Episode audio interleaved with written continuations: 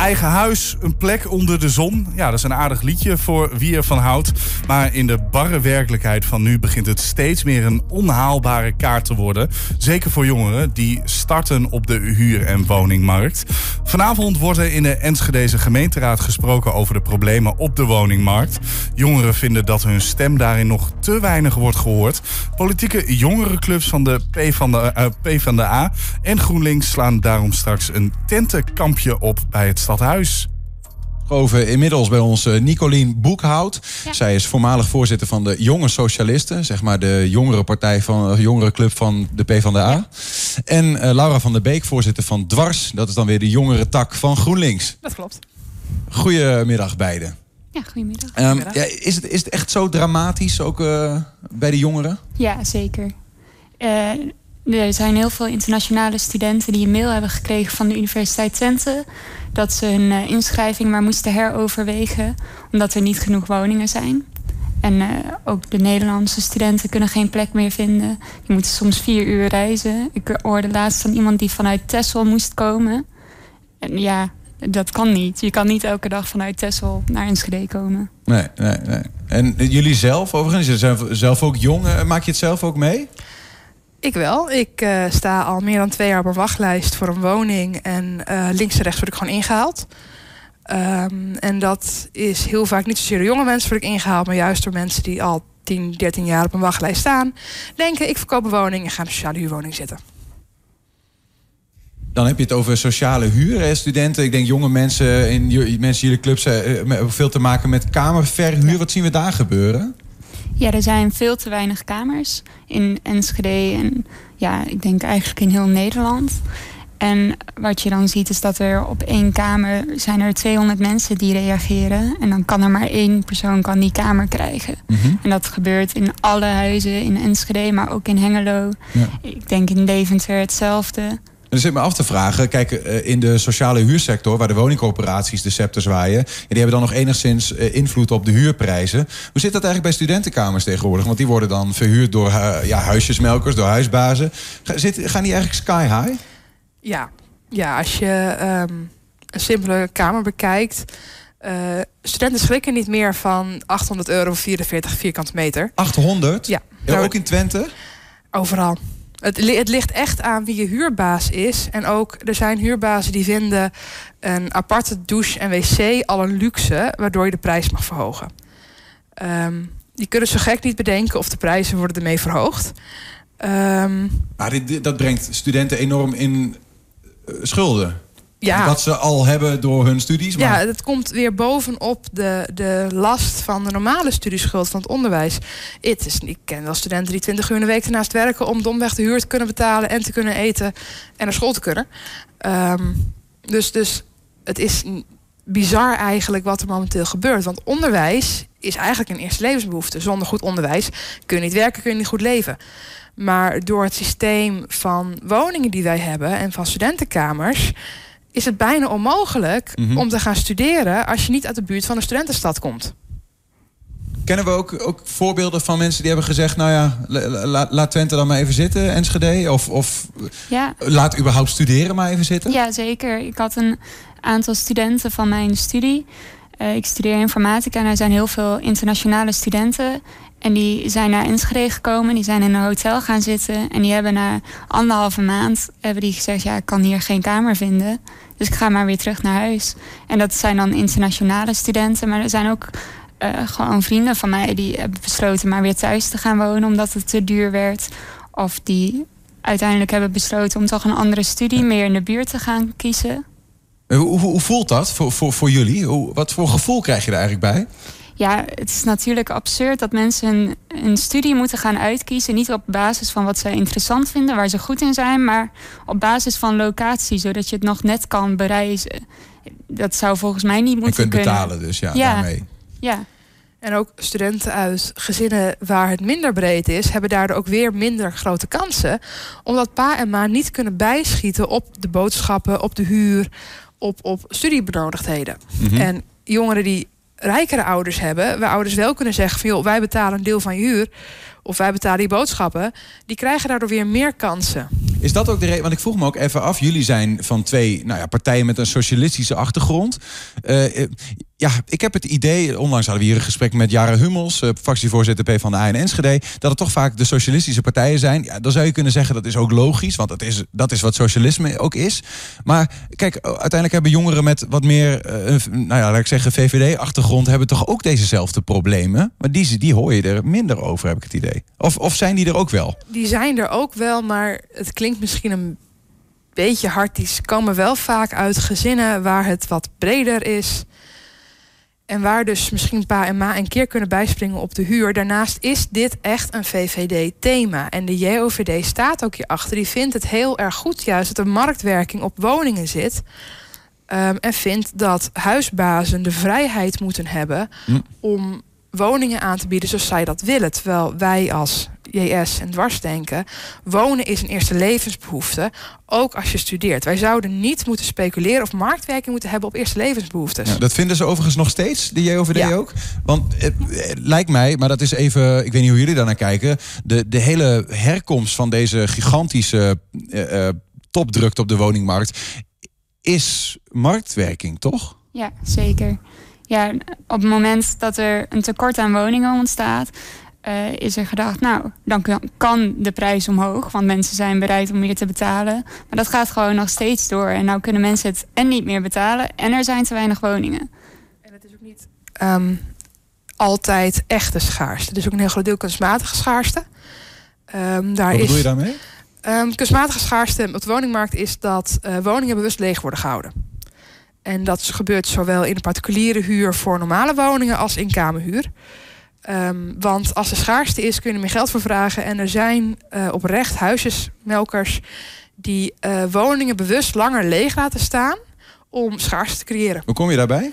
er is een heel mooi onderzoek uitgebracht uh, door, door de gemeente Amsterdam over hun eigen woningen. En er zijn heel veel gemeentes zijn gaan kijken hoe gaat dat bij ons. En eigenlijk bij heel veel gemeentes kwam eruit dat zij woningen leeg hebben staan, mhm. die bestemming woning hebben, die opgekocht zijn door particuliere beleggers. Gebeurt dat ook in uh, deze regio? In, weten we dat? in Overijssel gebeurt het ook. In Zwolle is, zijn ze nu aan het onderzoeken hoe het zit. En daar komt, weten ze nu al dat eruit gaat komen dat ook daar kunstmatige Maar is dat op grote schaal? Ja.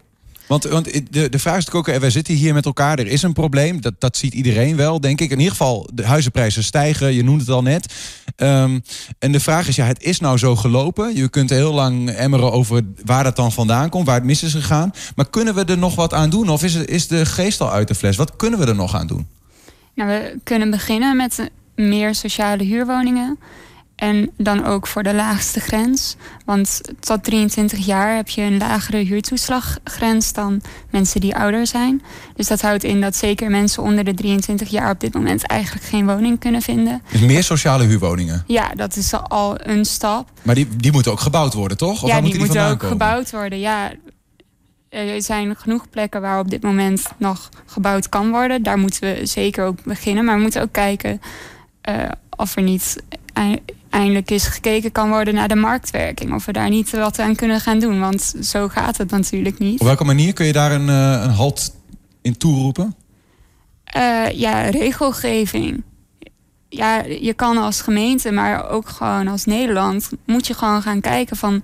hoe uh, gaan we zorgen dat dit snel wordt opgelost. En er moeten gewoon regels komen waarmee je kan zeggen van... ja, je mag niet zoveel vragen voor dit huis... want dat is het gewoon echt niet waard. En je hebt nu wel het puntensysteem, maar door het puntensysteem daar uh, springen huurders, verhuurders heel slim op in. Um, doordat als jij bepaalde dingen in een woning hebt, mag je er meer geld voor vragen. Dus bijvoorbeeld een losse wc en losse badkamer. Maar er staat nergens hoe groot die wc of badkamer moet zijn of in wat voor staat. Um, dus je hebt huizen die hebben dan losse wc, losse badkamer, losse keuken. Waar er extreem veel geld wordt gevraagd. Maar als je er gaat kijken, dan zeg je van ja, maar dit is geen 600 euro waard. Maar volgens het puntensysteem wel. Ja. En ook, wat ook een hele goede is, gewoon herbestemmen. We hebben vaak leegstand in, in, in, oudere centra, vaak, maar ook leegstand in heel veel bejaardencentra. Het is niet meer nodig dat wij complete nou, flatbuurten hebben die bestemd zijn voor 55-plus woningen. Wat je nu heel veel ziet in Twente, ook maar eigenlijk in heel Overijssel. Als jij gaat herbestemmen, dus de normale bestemming wonen erop zet, zonder voorrangsregeling, komen ineens heel veel mensen in aanraking voor die woning. Maar waar moeten die 55-plussers dan naartoe? We hebben minder 55-plussers. die die, die woning kunnen bezitten. Want we hebben echt een extreme grote hoeveelheid 55-plus woningen in Overijssel. Dat is echt bizar. ik Ehm, dacht juist dat er een vergrijzing was. Dat er steeds meer die eh, 55 is er wel, maar heel veel kwamen. 55-plussers wonen gewoon in een dure koopwoning. En dat, dan krijg je, als je, gaat, eh, als je kijkt op heel veel websites van woningbouwverenigingen, kun je gewoon lijsten krijgen met recent verhuurd. En dan zie je he- heel vaak, kun je ook zien of dit de woning daadwerkelijk verhuurd is. En heel Ja. vaak staat erachter, niet verhuurd wegens niet genoeg interesse. En dat zijn heel vaak 55-plus woningen, waar ouderen van zeggen, maar die wil ik niet, want die ligt in een buurt waar ik niet wil wonen. Of die woning is gebouwd in de jaren 80. Mhm. Waar jongeren onder de 23 zeggen: geef mij die woning. Want ik kan wel nog vier trappen op in een appartementencomplex Dus er zonder staan gewoon allerlei eh, appartementcomplexen voor ouderen staan een soort van leeg ook. Er staan complexen vaak deels leeg. Want er zijn echt wel ouderen die vier trappen zonder lift opkomen. Maar ook heel veel niet. En daardoor krijg je dus dat de complexen leeg komen te Maar staan. het- ik kan me bijna niet voorstellen dat jullie daarin politieke tegenstanders hebben. Jawel. Wat, wat is hun redenering? Eh, sommige partijen vinden dat je het echt de markt moet laten. Dat, dat de overheid niet moet zitten in iets wat particulier eigendom is. Of wat. Ja, ja. Want een woningbouwcorporatie is een particulier bedrijf. Hè. Dat, dat is gewoon een bedrijf die samenwerkt met een gemeente. Er zijn partijen die vinden dat wij als overheid daar niet moeten aankomen, omdat mensen hun geld daarmee verdienen. Ja, goed, to- toch eh, is volgens mij het credo ook van, van het huidige eh, landelijke kabinet ook. Hè, we moeten bouwen, bouwen, bouwen. Dat, dat, dat is eh, een van de belangrijkste punten. Of is dat, dan zijn het dan loze woorden? Ja, tot nu toe heb ik daar nog niet heel veel van gezien. Maar ja, we moeten zeker bouwen, bouwen, bouwen. Maar daarmee los je het grootste probleem eigenlijk niet op. Want ze kunnen wel door blijven bouwen. Mhm. Maar als die woningen net zo duur zijn, dan kunnen we ze gewoon nog steeds niet betalen. Dus ook daar moet overheidsregie op komen ja, wat jullie betreft. Daar moet ook regie over komen. Van hoe duur mogen die woningen nou eigenlijk zijn? We moeten ook niet vergeten, het credo bouwen, bouwen, bouwen is van Daniel Koerhuis. De man wiens partij dit beleid deels nou eigenlijk voor 90% veroorzaakt heeft.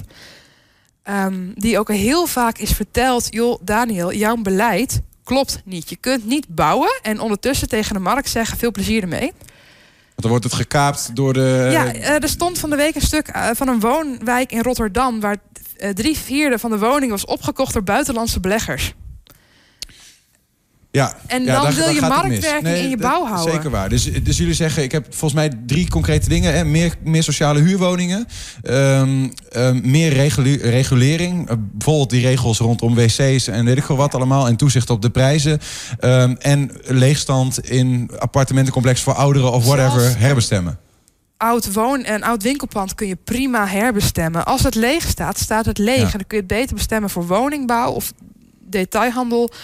Ehm, gedeeld met woningbouw. En dat je het helemaal voor, woning, voor detailhandel laat. Vanavond wordt er in Enschede eh, in een commissievergadering gedebatteerd over, over wonen. Eh, jullie hebben de gelegenheid aangegrepen om met tenten op eh, het ei van Ko, zeg maar, voor het stadhuis te gaan staan. Moet ik me het zo voorstellen? Ja. Wat gaat daar gebeuren dan straks? Ja, wij gaan daar protesteren.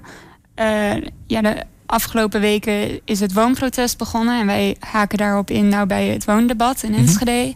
En wij willen laten zien dat het voor ons echt nodig is dat er huizen komen. Want er zijn ook gewoon studenten en jongeren dakloos... die dat niet zouden moeten hoeven zijn. Dus daarvoor staan we daar nu. Om aandacht hiervoor te creëren. En te hopen dat de laatste politici toch nog... eh, voor ons huizen willen gaan bouwen en woningen beschikbaar stellen. Alle Enschedeze woordvoerders op dit thema ga je even aan de veren pakken. Als we de kans krijgen, Ja. zeker. Ehm, want inderdaad, we, we staan het symbolisch met tenten en verhuisdozen. Oké, ook nog. Ehm, ja. Want jongeren slapen nu bij vrienden op de bank. Je kunt het zo gek niet verzinnen of heb al wel gehoord. Eh, zijn daadwerkelijk echt dakloos. Eh, ehm, domweg doordat er een heel vreemd beleid wordt gevoerd hier. Dus wij hopen wel inderdaad daar indruk te kunnen maken. Studententijd is wel rock'n'roll, maar zo rock'n'roll hoeft ook weer niet. Ja. ja. ja, ik snap het. Ehm Nicolien Boekhout en eh, Laura van der Week, dank voor jullie komst, voor de heldere uitleg en eh, succes zometeen om eh, nou ja, die eh, politici van Enschede eventjes te laten horen wat je vindt. Dankjewel. Dank je.